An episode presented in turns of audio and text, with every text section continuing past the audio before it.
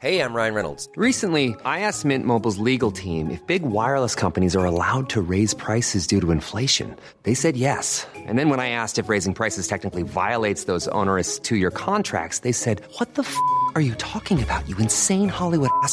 So to recap, we're cutting the price of Mint Unlimited from $30 a month to just $15 a month. Give it a try at mintmobile.com slash switch. $45 upfront for three months plus taxes and fees. Promo for new customers for limited time. Unlimited more than 40 gigabytes per month. Slows. Full terms at mintmobile.com.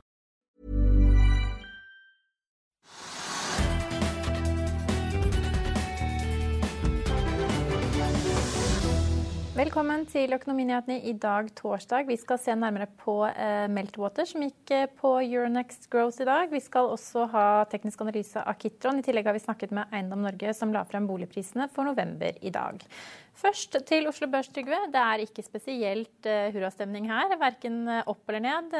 Tilnærmet er lik flatt. Ja, det, er ikke, det er ikke hurra, det er det helt sikkert ikke, men det er ganske flatt. Og det var jo ned i går også. slik at eh, med, med i går og i dag, så er da markedet ned ca. 1% på to dager. Det er ikke mye. Men markedene er også litt sånn Skal vi si de, de lurer på hvordan det skal gå. da. Det er liksom usikkerhet i markedene. Og de europeiske børsene er også stort sett ned i dag, mer enn Oslo Børs. Og de amerikanske børsene de er, tipper jeg også er sånn pluss-minus null. Man er usikker, men kanskje litt Man fikk jo litt positive USA-tall nå rett før uh, Ja, det var arbeidsmarkedstallene. Ja. Ja, jeg så det, men altså det, det tror jeg vi legger altfor mye vekt på. Det er liksom, enten er det 700 000 som har meldt seg i arbeidsmarkedet, så er det 730 000 eller ja. Men de kom i hvert fall inn bedre enn forventet. Det var vel omtrent 63 000 bedre Men, enn men jeg tror ikke de klarer å løfte aksjemarkedene. Det skal mer til. Men det som da kunne løfte aksjemarkedene veldig mye, og har gjort det delvis, det er jo da den, altså, vaksinene, hvis de kommer. Og de sier nå at vaksinene kommer jo i England i slutten av desember for full kraft, og i januar. Og så snakker man om vaksinene i Europa, hvor Norge er med, også kan begynne å få sine vaksiner godkjent og begynne å distribuere i slutten av eh, desember og, så, og i begynnelsen av januar. Det er bra. Og hvis du ser på bare, hvis du ser da liksom, det er ikke sånn at liksom, Nå er det kjent. Alle tror det, alle vet det, og alle håper på det. Hvis man ser da på sånn typiske aksjer som flyaksjer, da, som er veldig avhengig av dette at liksom, hvis det er ingen som vil reise, så går det dårlig med flyene, selvfølgelig. og Hvis man nå tror at dette kommer til å åpne opp litt før, da, i stedet for annet halvår 2021, så er det kanskje første halvår 2021, eh, så så man ser at flyaksjene stiger kanskje 1, 2, 3, 4 Det er fordi at man da ser at dette har betydning for én spesiell bransje, nemlig flyindustrien. Ja, og Bak oss på skjermene så ser vi at både Ryanair, Delta Airways er opp. Vi vet at på Oslo Børs er SAS opp 7% Vi har også Norwegian som stiger 7% men det har vært en rekke nyheter på Norwegian i dag. Ja, altså, De følger jo ganske mye med. Vi har ment hele tiden, og jeg har iallfall ment hele tiden at, eh, at det har vært overpriset. Selv når da liksom verdien nærmer seg, markedsverdien seg 1 milliard kroner eller rundt det. Eh, og så har det da kursen gått opp en dag og ned en dag, og det har liksom ikke vært så veldig lett å se hva som kommer til å skje. da. Men vi, har fått tall fra SAS som viser at de taper masse penger. Det visste vi. Tapte liksom 3 milliarder i tredje kvartal og 10 milliarder på årsbasis osv. Så, videre, så det, det, er, det er kjempetap. Ikke overraskende, og ikke, ikke, ikke nødvendigvis slik at SAS gjør en dårlig jobb. Var, sånn er det jo når det ikke er noen etterspørsel, ingen passasjerer, og flyplassen er tomme. For Norwegian så er bilder og det er i, SAS er i realiteten reddet av den danske og svenske regjering. For de har puttet masse penger på bordet i ny aksjekapital. Som da skal liksom, angivelig klare å bringe da SAS over 21 og inn på 22. Så la oss si at og den er opp 7 for det er liksom- optimisme i luftfarten, som jeg sa, og det, det smitter også da på Norge. Norwegian er en helt annen case. for Der er det liksom spørsmål skal Norwegian gå konkurs eller skal det ikke gå konkurs. Nå har aksjekursen de siste dagene ligget ned på 30-tallet, 32 og 34 eller noe sånt nå. Øre. Øre. ja, og, og, ja, det er et godt poeng. Og, og så har man hatt disse reforhandlingene og gjeldsforhandlingene og øh, konvertering av gjeld til aksjer osv. osv. Og mar- den har bare falt og falt og falt. Og så fikk man da for et par uker siden da utspillet fra selskapet om at de da ba om konkursbeskyttelse i Irland. Hvor de fleste selskapene i Norwegian er da eid av selskaper i Irland. Og så søker man da beskyttelse for at da man ikke skal da, kreditorene skal kunne gå på deg, at du kan få lov til å selge ut i ro og mak og reorganisere selskapet, lage ny administrasjon, gjøre selskapet mindre osv. I den perioden hvor de da såkalt reorganiserer, så kan altså kreditorene ikke gå på deg. Det gir deg tid. Så det var den ene biten. Så har de da funnet ut at det der fikk ut som det holder, det er nok. Og så har da selskapet kommet med utspill, og markedet har sagt at det er ingen som orker å eie Norwegian-aksjen. Selv om det er noen som selvfølgelig gjør det når kursen er 31 øre eller 32 øre også. Så har de nå kommet med en ny plan som jeg ikke skjønner noen ting av. Hente 4 milliarder i fersk egenkapital. Ja, de skal men- gjøre en, en spleis hvor 100 aksjer blir til én. Ja, Spleis er ikke noe vanskelig. Det er Og bare de skal søke om konkursbeskyttelse. Det er bare å gjøre- om én aksje på 31 øre til 3 kroner og 10 øre, liksom. Ja, men Ja. så skal de også søke, vurdere å søke om konkursbeskyttelse i Norge. Ja, og Det er derfor den pakken er så komplisert. for De sier at hvis ikke alt går som vi håper, hvis ikke det, det vi holder på med eller prøver på, lykkes, så vil vi kanskje søke om såkalt konkursbeskyttelse i Norge også. Det er jeg ikke noe ekspert på. for Vi har ikke en sånn chapter 11 som man har i utlandet. Men man har en sånn gjeldshandelsordning. Den tror jeg ikke kommer til anvendelse i Norge i det hele tatt. Så det tror jeg bare er en form for teater eller utspill.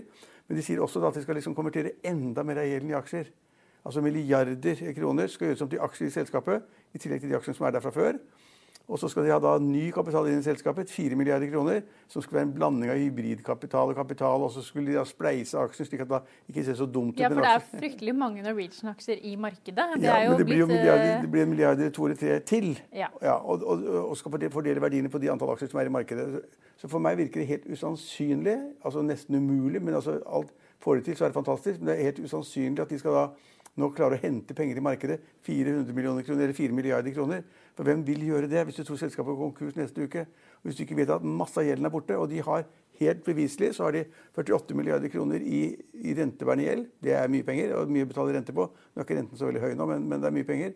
Og så har de totalt 64 milliarder i gjeld. Så skal de liksom da ta bort gjelden, sanere gjelden, få flere aksjer for de som da tvinges til å kjøpe eller få aksjer istedenfor sine krav. Og så har vi også sett I tillegg så kommer da enda en av topp tillitsmenn i selskapet, nemlig da lederen i valgkomiteen, som også da kom fra et, et, et, leasingselskap. Han har trukket seg fra jobben. For to uker siden var det slik at et av styremedlemmene trakk seg fra Norwegian, som også da opprinnelig var satt inn der av et leasingselskap. slik at de gutta som har greie på fly, de flykter. Eller de flyr. Det var jo bra morsomt. Så så de stikker av. Og Derfor så er det kjempekomplisert, og jeg skjønner ikke hvordan jeg skal komme i mål med dette. her. Det er, det, det tror jeg ingen i dag kan si om da hva aksjene er verdt. Når aksjene er opp eh, 7% så er det et par øre. Eh, og, og markedsverdien av selskapet er da litt over en milliard, kanskje 1,3 eller 1,4 eller 1,5 milliarder kroner. Men det er jo null. Så, altså skal de få ny kapital inn, så må på en måte emisjonskursen settes så lavt at eksisterende, eksisterende aksjonærene sitter igjen med 2 eller 3% Det er ingenting. Så for alle praktiske formål så er de gamle aksjonærene ute av selskapet uten at de har skjønt det ennå. Ja.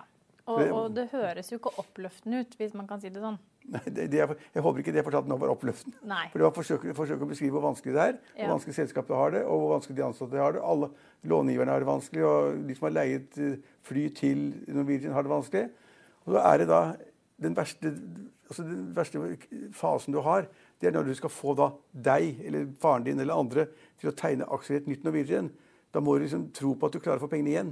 Og helst skal det stige en del. Du må i hvert fall få det igjen. Akkurat nå så er da de pengene som kommer inn i selskapet nå, de har ikke nubbsjanse til å drive selskapet. Er det nå jeg skal si takk og lov for at ikke vi får lov å eie aksjer? Og så håper jeg pappa virkelig ikke løper ut og kjøper Norwegian-aksjer. Ja. Hvis han først skal kjøpe. Men uh, det er en annen, eh, en annen sånt, uh, hva man si, må jo si et slags kriserammet selskap altså, som jeg har snakket mye om her på sendingen i årevis, altså Seadrill. Som, eh, hvor en av eh, Jon Fredriksens eh, superrigger er i, i hardt vær. De må ha 14 dagers reparasjonsarbeide på West Bolstad. Um, Seadrill, Trygve? Nei, Seadrill er et, også et håpløst case. Altså det, de hadde jo går tilbake et år eller annet, eller sånt, og så hadde de også en sånn reforhandling med gjelden sin og kuttet gjeld. og Skipsleder Jon Fredriksen, som har penger, beviselig mye penger, han puttet flere milliarder kroner inn i selskapet for at man skulle sluttføre en sånn chapter 11-prosess og få selskapet i gang igjen. De har aldri kommet på bena etter det, og nå går det dårlig, selvfølgelig. og Det er masse, masse rigger og det er masse rigger som ikke har, noe, ikke har noe å gjøre. Og ratene på riggmark- er, er veldig lave, og det er masse konkurrenter. Blant annet av Borr, som jeg har snakket mye om. At, altså det, det, det, der det, altså det drillingmarkedet der er nesten borte. og Man får dårlig betalt for å leie ut riggene sine. Og de har, hvis jeg ikke forsto, så er det et datterselskap til Sidil, Sidil Partners, som har søkt om Chapter 11. Det er en konkursbehandling igjen. Så liksom Opprinnelig konkursbehandling, den amerikanske typen Chapter 11, i USA. Og så hadde de da, nå, nå kommer da en Chapter 11 på et datterselskap av Sidil. Og da det er ikke det selskapet verdt nå. Og da forplanter det seg videre til Sidil, som eier av selskapet. Så det ser veldig dårlig ut. Det går dårlig. Ja, Vi må nevne oljeprisen også. Det har jo vært litt sånn uh, positivitet i oljemarkedet etter at vi har sett oljeprisen gå fra opp, altså høyt oppe på 30-tallet til høyt oppe på 40-tallet. Uh, og Mye av spenningen denne uken har vært knyttet til hva OPEC pluss skulle bestemme seg for når de møttes i dag. Det har vært bred konsensus om at de kommer til å forlenge produksjonskuttene ut mars 2021. Men nå går det altså motsatt vei. De skal øke produksjonen med inntil 500 000 fat per dag fra januar. Ja, men, men oljeprisen har ikke noen voldsom reaksjon ned for det. Nei, men det er en god beskrivelse. For, for, for det første så er det veldig sånn uklart. Men det som er utgangspunktet, eneste riktige, det er det at de har kuttet OPEC pluss, da. Det er OPEC pluss Russland og noen andre. De har jo kuttet produksjonen for å få prisen opp. Det er klart at Hvis du kutter tilbudssiden, og etterspørselssiden er konstant, så vil da prisen gå opp. Og det er stått på. Men så har da noen begynt å murre og sagt at vi vil ikke ha dette kuttet, vi vil ta bort noe av kuttet. De har, de har kuttet ca. 7,7 millioner fat per dag. har de kuttet. Så er det noen som sier at vi kan, kan, vi ikke la være å kutte syv, kan vi ikke bare kutte fem av det man hadde opprinnelig? Så får vi mer olje ut i markedet, og vi tjener kanskje mer penger, sier de. Men det er ingen som tror på det. og så Derfor blir de ikke enige. For noen vil beholde de kuttene som er. Det gjør at prisen er der oppe. Noen vil at kuttene skal tas vekk, slik at de kan få solgt mer olje. og da tror de at de tjener penger på det. Og så kommer da det som du nå sier, da kommer da det konkrete tilbudet om at glem de der kuttene. Vi må produsere mer uansett kuttene. Ta bort alle kuttene ta bort alle kuttene, eller nesten alle kuttene, og produsere enda mer eh, olje per dag. Fordi de da tror at volumøkningen vil gi dem mer penger enn det da lavere produksjon til en høyere pris. Det der vi, har vi jo ikke peiling på. Uh, men det gjør at oljeprisen også er et sånt vakuum. Det er liksom rundt 48 dollar per fat uh, i brentoljen. Og der blir det nok liggende inntil vi får en endelig beskjed om at de kommer til å utvide produksjonen. Da faller prisen. Eller kutte veldig, da stiger prisen. Ja, Og så ser vi at det er små utslag på Var ikke det enkelt regnestykke? Jo. Enkel forklaring. Det er bare å kjøpe på olje. men, men, vi kan se på Equinor og Aker BP at det er små utslag i dag, men begge er så vidt i pluss, da. Ja. Hvis vi skal ta med oss noe. Everfuel har inngått en avtale med Siemens Gemsa for hydrogenproduksjon til taxier i Danmark. Eh, stiger 12% akkurat nå. Falt tilbake 17 i dag, men, nei, i går. I går, det er men, poenget. Ja. I går falt de 16-17 og i dag er det opp 12 Det, ja. bare, det kan man ikke drive med. Altså, den ene dagen så er det liksom en av vinnerne, og neste dagen er taperne. Det kan man ikke følge med på. Og de her ryktene eller med, meldingene som kommer, de kan variere fra den ene dagen til den annen. Kjempevanskelig. Men Spetalen er inne der. Er en av hovedaksjonærene i, i, i, det selskapet nå. Og det er satsing, det er satsing på hydrogen. Det er ålreit. Et annet selskap som nesten likt navn. Quantafuel. Quantafuel. Ja, hvordan går det med det? Nå skal jeg la Trygve Hegnar ta Quantafuel her. Quantafuel er akkurat nå Skal vi se her, da. Nå tok du meg på Ja, den, er, den er, tipper jeg ned 10-15% eller sånn. Ja. ja, den er ikke ja. jeg jeg, det finner de ikke øverst på taperlisten. Men, men, poenget er at det, det, er så mange akkurat det markedet som er såkalt grønt. da. Så Hydrogen er grønt marked. Det har hospitalet nå nytt glede av. Men det skifter så fort at man kan klare ikke å følge med. Det er sånn svingdøra på Grang. Det går veldig fort. Ikke, ikke, i disse dager, Trygve. Så går ikke den svingdøra på Grang fort. for å si Det sånn. Det er riktig, den er stengt. Og, og, og Quantafuel er jo det selskapet som skal produsere olje av, brukte plastposer. De har, der ligger kursen på rundt 40 kroner, og den kursen var oppi da vi snakket om det for noen måneder siden. Så var den oppe i over 70 kroner. Det var da, da gründeren og konsernsjefen, eh, Bøhn, at han da solgte ganske mye aksjer for å skaffe seg penger. Han solgte aksjer for 60 millioner kroner. For han skulle da ha penger til nytt hus og ny hytte og ny bil og hva det måtte være. Og Det var sikkert veldig lurt, av for aksjen falt etter, etterpå som en sten. Men det var jo også et ganske kraftig salgssignal at han som har stiftet selskapet og er sjef for selskapet, solgte så mye aksjer. Ja. Så det hang sammen. Og så ser vi også at eh, Nell er ned 5 5 Ja. ja og det er fordi at ja, for det har gått masse opp, og så skal det litt ned. og så er det liksom, man, man kan ikke tro på disse hydrogenprosjektene hver dag. De fleste av disse hydrogenprosjektene blir kanskje mulig lønnsomme om eh, tre, fire, fem, seks, sju, åtte år, men det er veldig langt frem. Og Foreløpig er det ikke noe fart i hydrogenmarkedet når det sitter for aksjonærene. De putter inn penger. Produserer, noen produserer bare De produserer uh, utstille utstyret til, til, elektrolyse, eller noen produserer tankstasjoner vi skal putte på drosjebilen, eller hva som helst. Det er forskjellige ting de gjør. og Alle sammen satser på at hydrogenmarkedet skal komme, men det kommer mye saktere enn man tror. Og det er masse aktører på mange områder. Ja, Vi kan ta med at Targovac stiger 5% De har fått levert oppløftende resultater i studier med pasienter med aggressiv føflekkreft.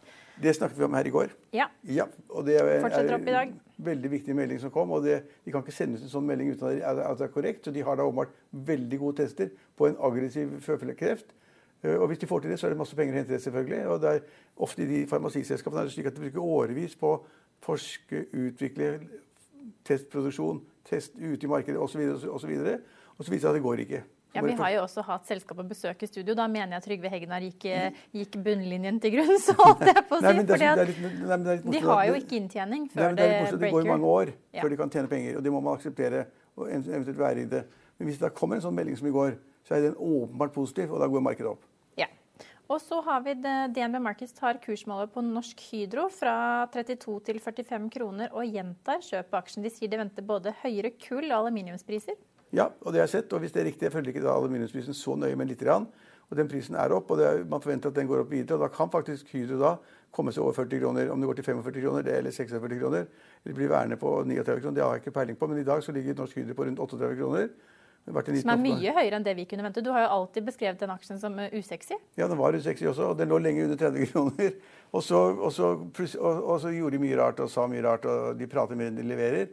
I ledelsen har gjort i mange år, den ene lederen etter den andre. Men nå plutselig har de fått litt hjelp av aluminiumsprisen. Og virker, hele selskapet virker mer eh, optimistisk, optimi og, og, og kanskje de har litt, eh, litt eh, ja, Kanskje de får det litt lett med den aluminiumsprisen som går opp, da. For det er ikke akkurat noe de påvirker veldig mye selv. Så nå ser det ut som da, det er nok investorer i markedet som tar det inn i porteføljene sine. Altså porteføljeforvaltere og andre. Og skal ha en sikker, god aksje som Hydro, som tipper opp, kan tikke opp 1 eller 2% hver dag. Er nå nesten 40 kroner. 38 kroner pluss et eller annet. Ja. Kan ta med at Sparebank1 Markets tar opp dekning på Link Mobility og rykker ut med en kjøpsanbefaling. De beskriver selskapet som en europeisk mester og setter kursmålet på 65 kroner. Aksjen står litt over 48 kroner akkurat nå. Så til slutt, før vi skal snakke om boligprisene, Trygve, så kan jeg nevne at ABG varsler mulig tidobling av Kahoot. Den prises i dag til 2,9 milliarder dollar, men om 5-10 år kan aksjen være verdt, eller selskapet være verdt mer enn 30 milliarder dollar. Og da tar vi selvfølgelig med oss at Periskopus AS, som er kontrollert av deg, Trygve, eier 153 aksjer i Kahoot. Men la oss Nei, gå Nå skal ikke jeg komme- 153 000. Nå skal ikke jeg kommentere selskapet overhodet ikke. 153 000 Nei, så- aksjer, ja. Det vil jeg ikke høre om engang. Men, men, men, men, men vi kan da få gå videre. til boligprisene. Til boligprisene. Og der er det også oppgang, Trygve. Ja, altså det, det kommer jo månedlig. Og det er alltid normalt slik at boligprisene er svake på slutten av året. Av forskjellige årsaker. Kanskje folk skal ha penger. Vil ikke kjøpe bolig for å bruke penger på julegaver eller de, mange ting på slutten av året. Og nå kom da tallene som viste at det var en, på, år, på landsbasis så, så sank boligprisen med 0,1 Det er veldig mye mindre enn det pleier å falle. Så den, altså den sesongkorrigerte prisen er da opp faktisk 0,8% Så det er en kraftig økning i boligprisene boligprisen nå når man korrigerer for sesongvariasjonene. Så det er opp, opp, opp, og, så er, og det vil det sannsynligvis fortsette med. Og så kan du spørre hvor mye har det vært opp siste året. I Oslo kan jeg fortelle Ja. at det har vært opp over 10% Ja, akkurat. Ja. Og, og, og jeg er ikke betenkt over, jeg syns det er bare morsomt. Det er, det er markedet som bestemmer. Men da, vi har hatt en kraftig økning i, i boligprisen i Oslo på disse 10 prosentene. Og så ser det da ut som at det liksom da ikke er noen stor fart i markedet fordi det synker 0,1 på landsbasis, men det er en kraftig vekst på et par prosent da, i de sentrale områdene. Så jeg tipper at vi får en veldig sterk eh, prisvekst i bolig, altså en boligprisvekst til neste år. I Oslo. I Oslo, ikke betyr Stavanger. det? Hva betyr det for rentenivået? Hvis vi nå får en vaksine som kommer tidligere, vi får en, en fart i økonomien, det som var andre halvår kanskje blir første halvår, i gjenopptakelse av normalt liv og hverdag. Og Nei. så i tillegg har vi de voldsomme boligprisene. Da kommer det vel en renteøkning, Nei, eller raskere enn vi tror. Nei, jeg tror ikke det. Tror du ikke det? Nei, det er noen makro, makroøkonomer som sier det. fordi at Opprinnelig så var rentebanen til Norges Bank slik at man skulle begynne å senke renten i 2023. Så fant vi at det var litt lenge å vente, og boligprisveksten var ganske sterk osv. Så, videre, så forandret de banen til at vi skulle begynne å senke prisene i 22. 22 og litt, ja, så var vi der. Men altså, verden rundt oss i Europa, alt er jo stengt ned. Det er jo ikke restauranter, hoteller, industri altså, Alt er stengt ned. og ser kjempedårlig ut. Amerika har aldri hatt verre tall enn de har akkurat nå. Det har ikke begynt å tippe over en topp og så gå ned i noe færre smittetilfeller. Det er flere smittetilfeller hver dag. Det har aldri vært så mange døde hver eneste dag. og og de stenger jo ned alt. Har sett bilder fra San Francisco osv. Får folk lov å gå ut lenger. De får ikke drikke noe som helst. Og ikke gå på restauranter. Og de, ja, de får, får ikke gjøre noen ting. Og sånn er det over hele Europa og i USA. Så at verdensøkonomien er svak. Vil være svak. Norsk økonomi var også svak i år. Kanskje litt bedre neste år, det vet jeg ikke. Men at Norges Bank skulle nå begynne å, å liksom ta opp renten da, for, for, for å hindre at veksten blir for stor eller at aktiviteten blir for stor, det har jeg ingen tro på. Men det er masse kommentatorer som vil skrive i morgen og overmorgen i avisen at oi, oi, oi, så mye boligprisen boligprisene stiger, og kan stige. Og da må Norges Bank trå på bremsen, slik at ikke boligprisene stiger så mye. Det tror jeg ikke eh, sentralbanksjefen bryr seg om det i det hele tatt. Til tross for at de nevner det hver gang. da De har de det alltid, at de er bekymret, de noterer din. Ja, seg. det er bekymret for gjelden din. Og gjelden din. Nei, jeg har ikke gjeld. Ok. Det, det skal jeg ikke ha. Nei. men, men de som har gjeld, har veldig fordel av den lave renten. De kan kjøpe boliger og hytter, og de gjør det annet. De kjøper nye biler, de kjøper nye båter. Det er masse som kjøpes for tiden fordi at renten er veldig lav.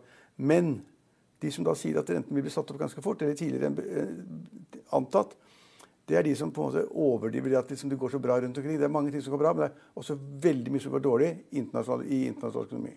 Ja. Veksten blir lav. I Finansvisen i morgen så kan du lese Trygve Hegnars leder om at vi nærmer oss statsminister Vedum. At husholdningene ikke har tapt en krone under koronakrisen, og en forvalter som ser kjøpsmuligheter i upopulære sektorer. Vi er tilbake i morgen klokken 13.30. Følg med oss igjen da.